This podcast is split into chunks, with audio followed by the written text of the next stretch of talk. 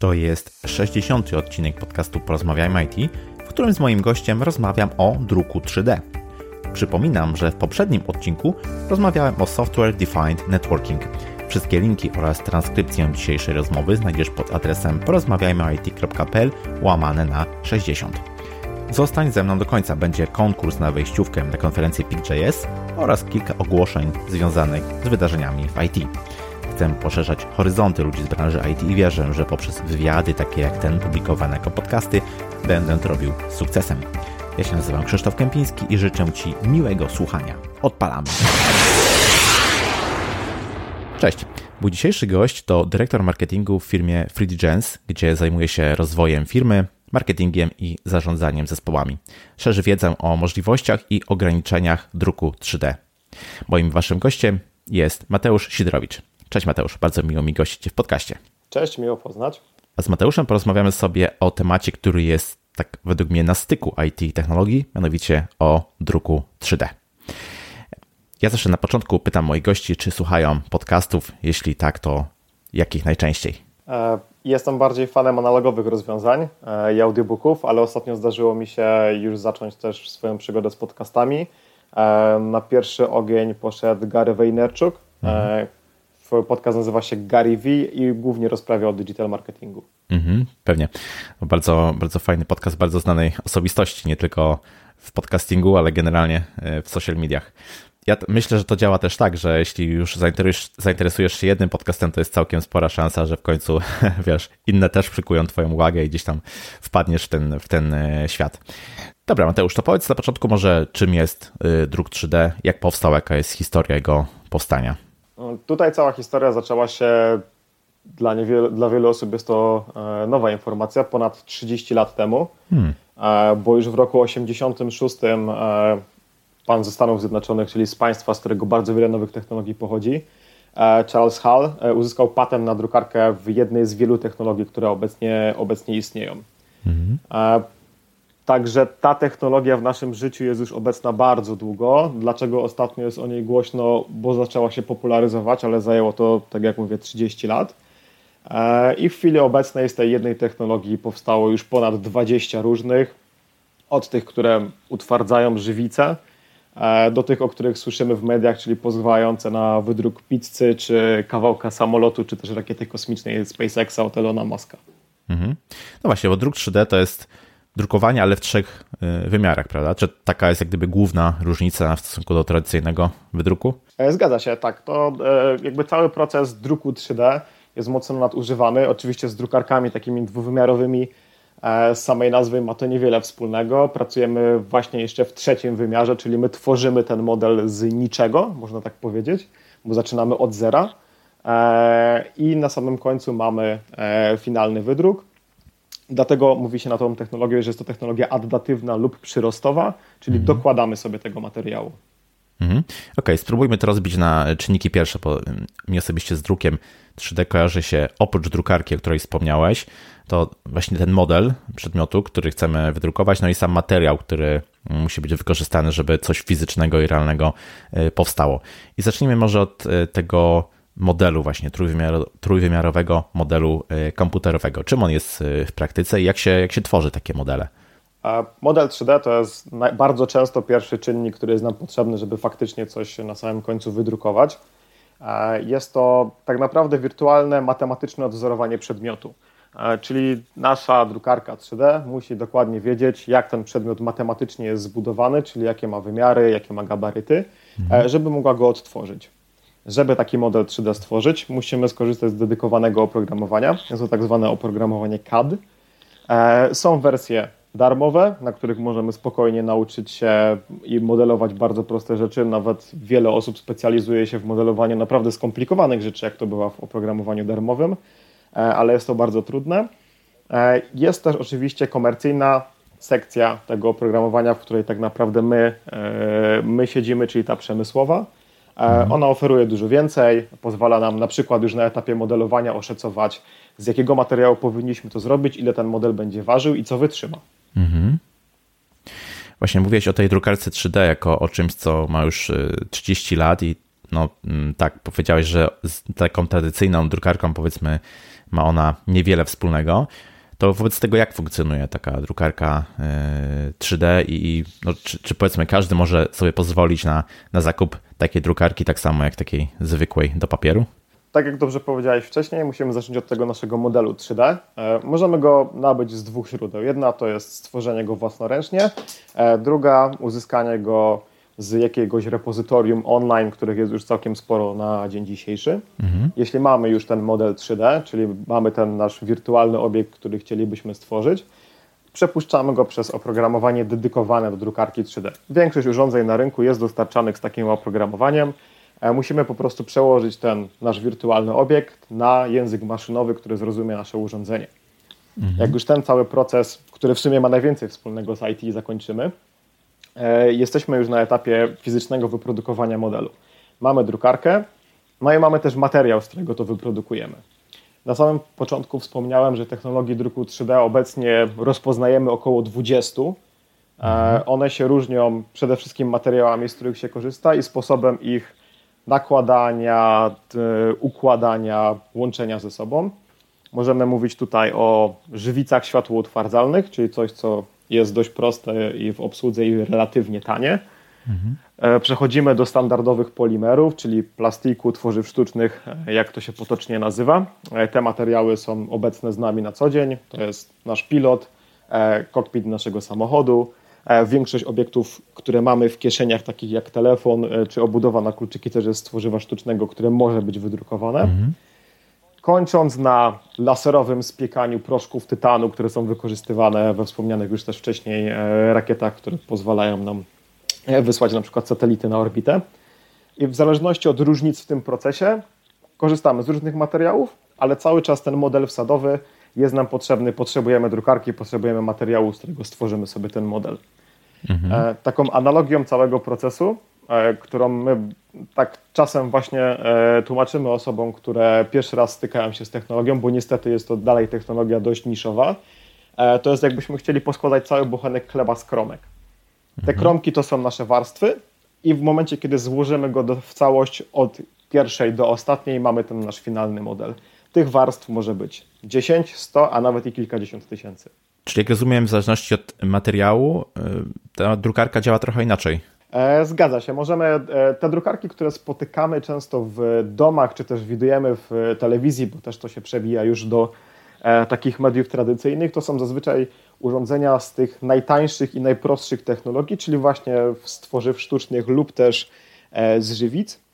To są małe urządzenia, możemy je mieć w domu, one są w stanie kosztować nawet 500 zł, jeśli sobie kupimy w dobrym miejscu na AliExpressie. E, mhm. Ale kończymy na urządzeniach wykorzystywanych w przemyśle, które właśnie produkują z proszków metali. Tam mówimy na przykład o paru milionach euro za sztukę. wow. Takiej jednej mhm. drukarki. Mhm. Czyli rozpiętość faktycznie jest e, dosyć szeroka. A wspomniałeś trochę o zastosowaniach technologii 3D. Z tego co się orientuje, to przemysł dosyć entuzjastycznie przechodzi, czy, czy adoptuje powiedzmy tą, e, tą technologię. Mógłbyś powiedzieć o takich najbardziej popularnych, najczęściej e, stosowanych, właśnie występujących zastosowaniach tej technologii, do czego się jej w praktyce używa? E, jasne, to to jest e, jakby przyszłość całego druku 3D. Można powiedzieć, że jest to przemysł. Jeśli ktoś kiedyś będzie tam szerzył ideologię, że będziemy mieli drukarkę 3D w domu, to raczej to się nie wydarzy. Mhm. E, dużo szybciej będzie nam pójść do sklepu, jednak samemu sobie kupić e, mhm. ten element, który potrzebujemy, bo jest to po prostu bardzo czasochłonny proces. Jasne. E, natomiast przemysł bardzo, bardzo, bardzo skutecznie integruje sobie technologię, która pozwala na wytworzenie jednego elementu, na przykład dopasowanego do klienta. Taką mhm. firmą, którą wszyscy na pewno znamy jest BMW. Każdy pewnym okresie swojego życia chciał mieć samochód z tej firmy, jak podejrzewam. Oni są właścicielem między innymi marki Mini Cooper, e, do której już w salonach, jeśli dobrze pamiętam, w Szwajcarii i w Austrii, możemy sobie pójść do salonu i zamówić Mini Coopera na przykład z naszym imieniem i nazwiskiem na świetle stopu, które właśnie produkowane jest w mhm. technologii druku 3D. E, dlaczego jest to tak prosta, ale jednak tak ważna aplikacja, którą zawsze wspominamy? E, wyobraźmy sobie z, z, punktu widzenia producenta, że musimy zgadnąć, ile takich lamp potrzebujemy i dostarczyć je i jak mhm. ktoś się będzie nazywał, albo powiedzieć klientowi, dostarczymy ci to, ale za 4 albo 5 miesięcy, kiedy ci to wyprodukujemy. Hmm. Dopiero druk 3D umożliwił powiedzenie klientowi, nie ma problemu, będzie za dwa tygodnie. Mhm. to jest taka aplikacja, którą spotykamy się na co dzień, e, bo ona już dotyczy produktu, który mamy u siebie w domu, możemy mieć tak naprawdę tutaj w garażu. E, z naszego punktu widzenia możemy powiedzieć, że nawet nie zdajemy sobie sprawy, ile rzeczy w życiu codziennym albo zostało zaprojektowane na drukarkach 3D, ale wykonane już jest w innej technologii, albo ma w sobie częściej wykonane z drukarek 3D. Mhm. Jest to bardzo prosto zauważyć, kiedy wie się o czym e, zna się całą technologię, bo te warstwy, czyli te nasze kromki, których e, wcześniej mówiliśmy, widać, ale e, prawie 90% nowych technologii i nowych produktów jest teraz projektowane z użyciem drukarek 3D. To jest mhm. bardzo szybki i prosty proces. Jeśli chodzi o aplikację natomiast, to mówiliśmy o takiej e, jak BMW, czyli tej, którą spotykamy na co dzień. E, z takich oczywiście bardzo ciekawych przypadków to jest, e, nam osobiście zdarzyło się wydrukować żebro dla pacjenta oh wow. z Bułgarii, który do dnia dzisiejszego bardzo sobie chwali nasz wydruk. E, była tam sytuacja podbramkowa, czyli pacjent miał do wyboru żyć ze strasznym bólem lub też e, poddać się takiej nowatorskiej metodzie. Mhm. E, takie żebro zostało wyprodukowane na, na jednym z naszych urządzeń, wszczepione pacjentowi do dnia dzisiejszego, a to już będzie drugi rok powoli. Mamy informację właśnie stamtąd, że wszystko, że wszystko jest w porządku. Także medycyna Super. też szalenie mhm. mocno korzysta z tego. Mhm. E, to jest taka podstawowa aplikacja. Spodziewamy się, że za parę lat większość leków będzie tworzonych w jakiś sposób w technologii druku 3D. No i oczywiście temat rzeka, drukowanie organów. E, do tego nam jeszcze daleko, e, ale Star Trek nadchodzi. To, to, to się wydarzy. Wszystko, co nazywamy technologią druku 3D, tak naprawdę ma ze sobą tyle wspólnego, że mamy te warstwy. Mhm E, cały czas, a sam materiał, samo urządzenie wygląda zupełnie inaczej, ale mówiąc ogólnie, druk 3D w medycynie to jest absolutna przyszłość, większość implantów. Jednak ludzie są różni, tak? Jeśli możemy mhm. coś trochę bardziej dostosować pod konkretnego człowieka, e, będzie to lepiej przyjęte przez organizm i lepiej z tego będziemy korzystali. Mhm. E, a najczęstszym, najrzadziej widocznym i tym, tej aplikacji, o której najmniej się mówi, to są prototypy. Czyli jak E, projektujemy nową rzecz, czy to jest nowy smartfon, czy to jest nowa kierownica w samochodzie, czy to jest nowy uchwyt mebla, to chcielibyśmy go bardzo przetestować. Mhm. Czyli dać go określonej grupie klientów, żeby nam powiedzieli, co myślą o naszym, naszym projekcie. E, bądź też taka bardzo prozaiczna rzecz, którą nasza, naszą firmę dotknęła, czy jeśli nasz konstruktor coś zaprojektuje, to osoba składająca to na produkcji nie musi sobie złamać ręki w trzech miejscach, żeby to poskładać. Mhm. To są problemy, które w przedsiębiorstwach są bardzo częste, a dotychczas nie za bardzo było rozwiązanie na to, no bo prototyp kosztuje, mhm. e, trzeba zazwyczaj było ich wytworzyć więcej, musieliśmy się mocno zastanowić nad tym, które prototypy tak naprawdę wykonamy, a które już e, zamkniemy na etapie projektowania. Druk 3D pozwolił na dwie rzeczy. Jedna bardzo istotna zmiana w umyśle konstruktorów, E, oni teraz myślą, jak coś zaprojektować tak, żeby dało się to wydrukować i szybko sprawdzić, bo druk 3D jest tani i szybki. Mhm. A druga pozwala na sprawdzenie bardzo wielu prototypów. Czyli już teraz nie zastanawiamy się, który wybrać, tylko wyprodukujemy na przykład 10 prototypów i wszystkie sobie przetestujemy. To jest najczęstsze zastosowanie druku 3D. Okej. Okay. No, czyli faktycznie dosyć, dosyć szeroko. E, Nawet nie spodziewałem się, że w medycynie tak mocno mm, się stosuje właśnie e, takie, takie wydruki. Powiedziałeś, że mm, to jest ten kierunek, który się będzie mm, rozwijał. Myślę, że do, do, do tych kierunków rozwoju jeszcze sobie wrócimy, ale chciałem zapytać Cię o jedną rzecz, o którą e, tutaj zahaczyłeś, mianowicie powiedziałeś, że w takich prywatnych, powiedzmy, zastosowaniach to ten druk niekoniecznie się sprawdzi, bo jest zbyt czasochłonny. Wobec tego no ile, ile trwa taki pojedynczy wydruk, od czego to powiedzmy y, zależy? E, mówimy tutaj w wielu przypadkach o godzinach, mhm. bardzo często o dniach, a zdarzają się nawet i tygodnie. Okej.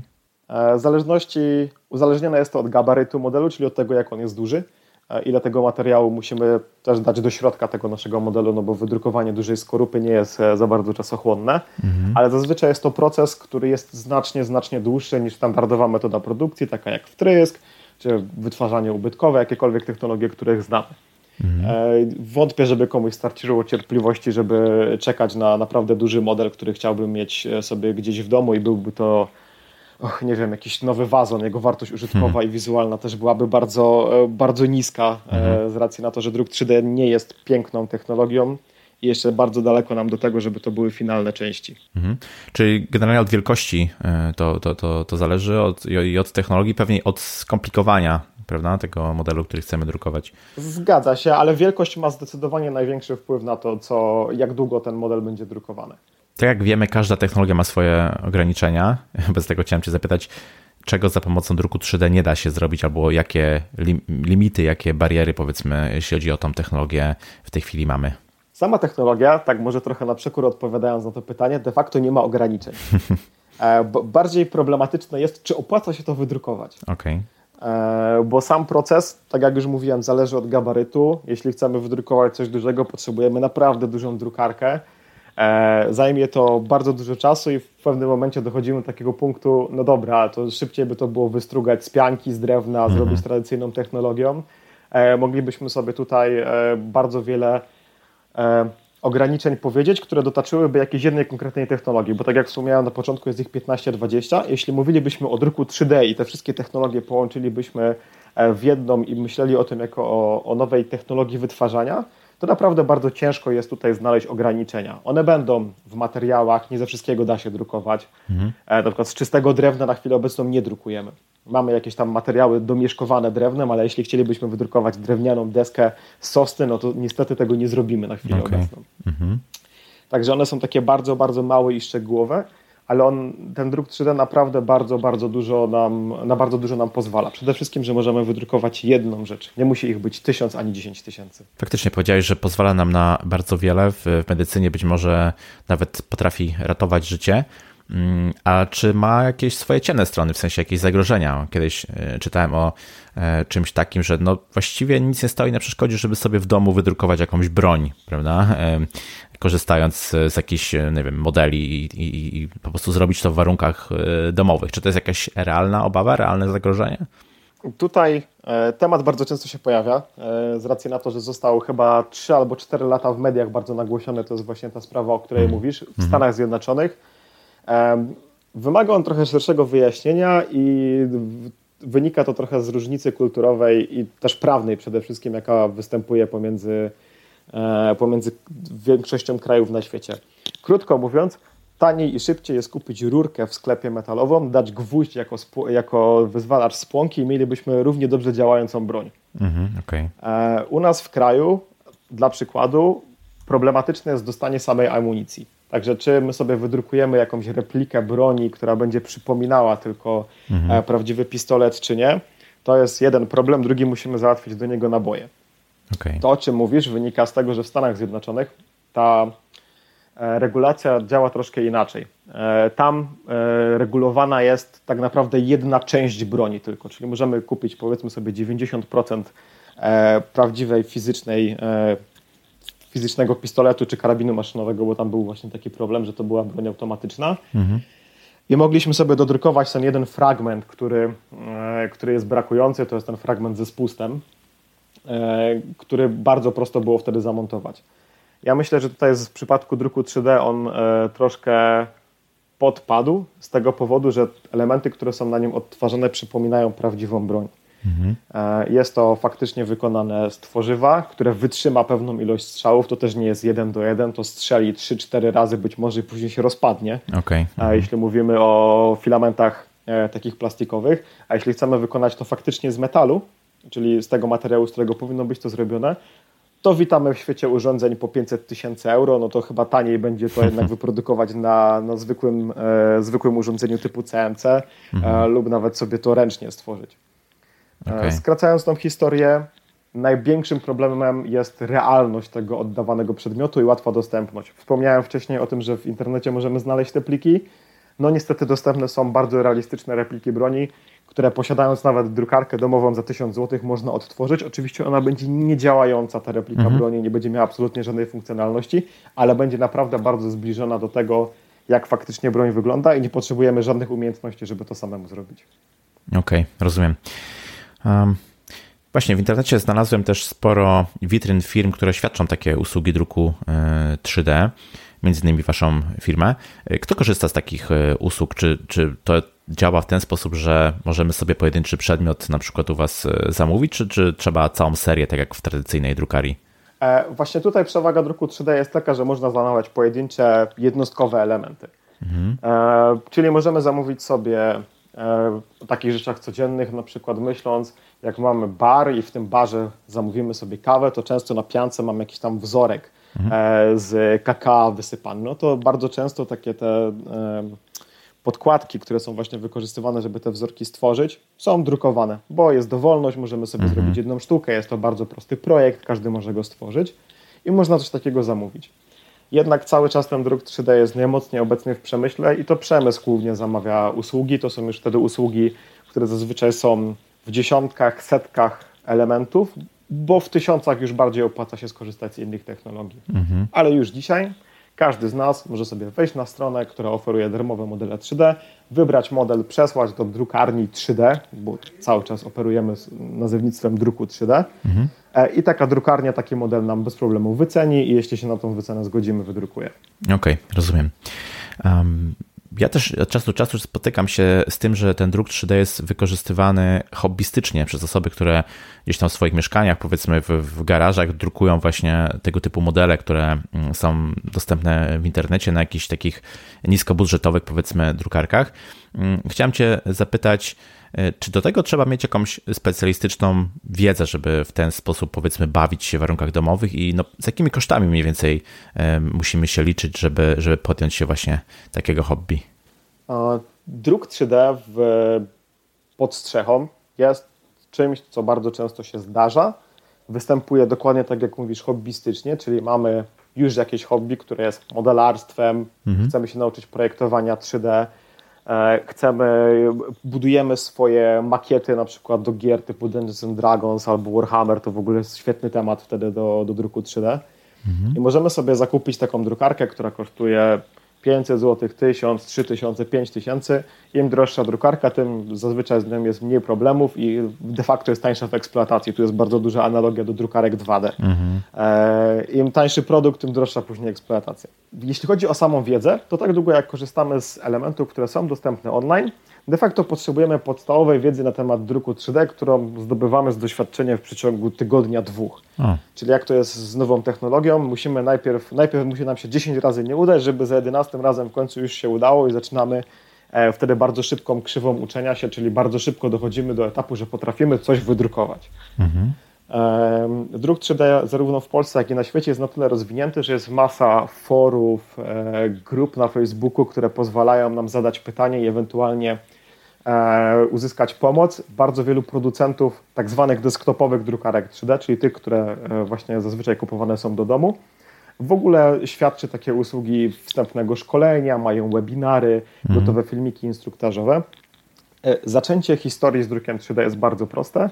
Mnie osobiście bardzo cieszy, że druk 3D wchodzi już do szkół nawet podstawowych, licealnych, a przede wszystkim jest na uniwersytetach. Za granicą już to jest nawet w podstawówkach bardzo, bardzo często. Mhm. I dzieci od samego e, początku uczą się modelowania 3D, bo jednak myślenie w 3D jest trochę.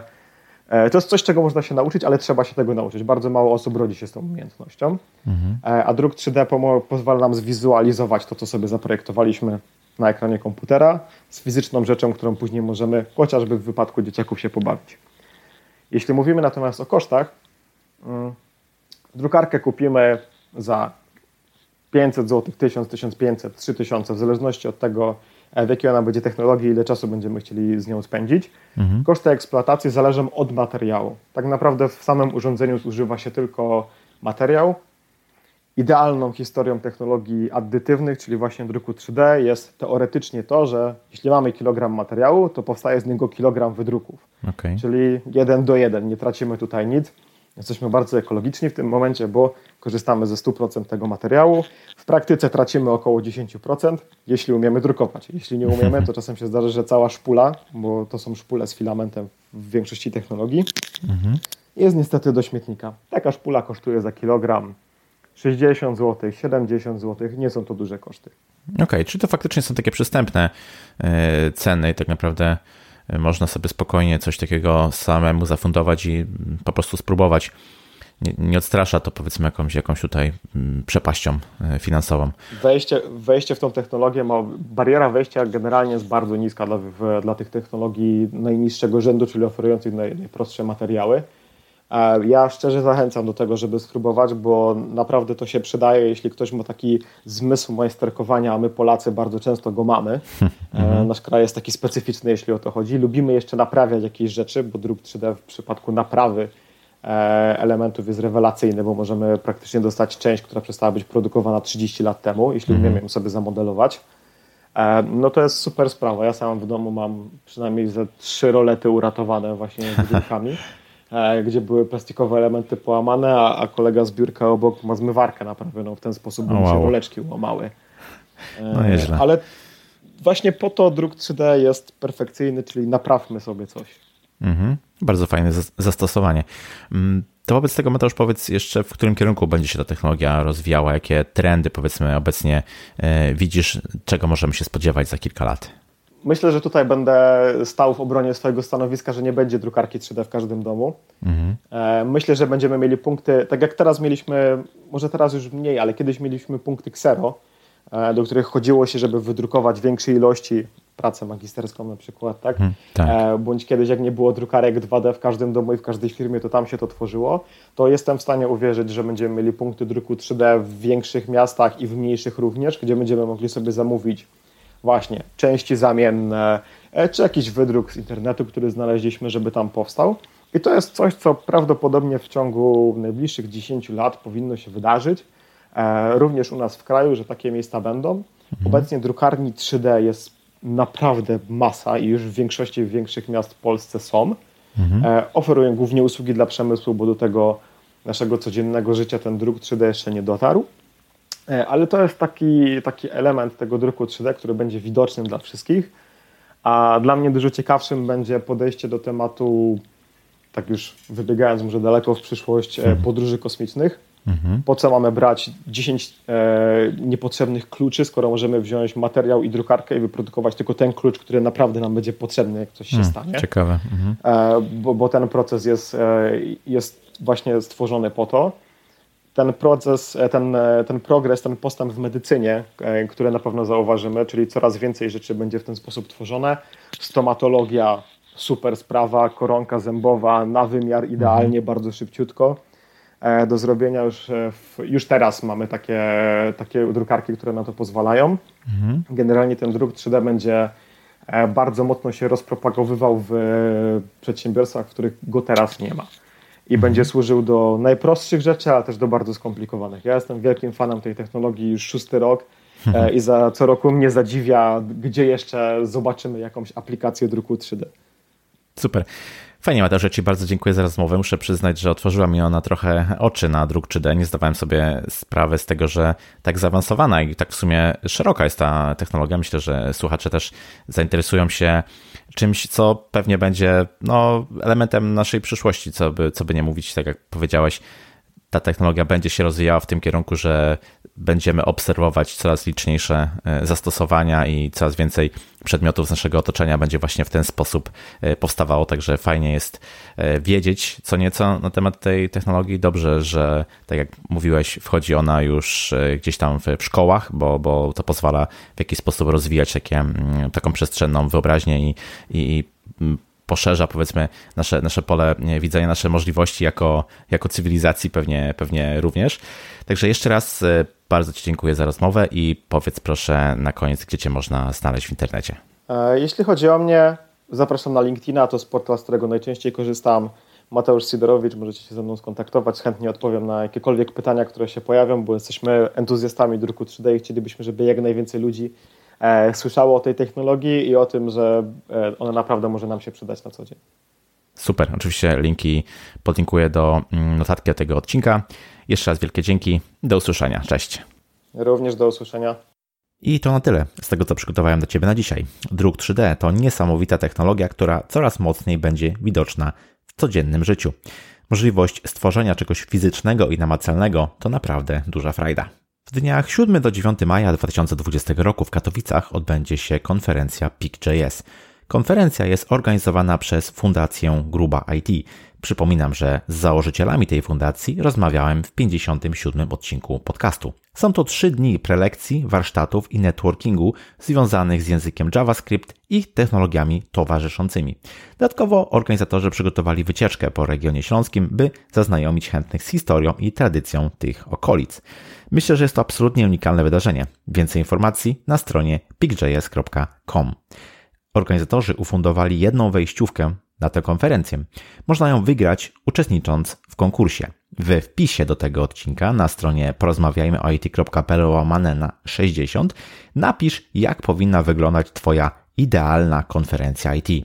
Konkurs trwa do 26 marca 2020 roku, wtedy to wybiorę zwycięzcę. W tym roku ponownie mam zaszczyt współorganizować Pyrcaster, czyli wydarzenie dla słuchaczy i twórców podcastów.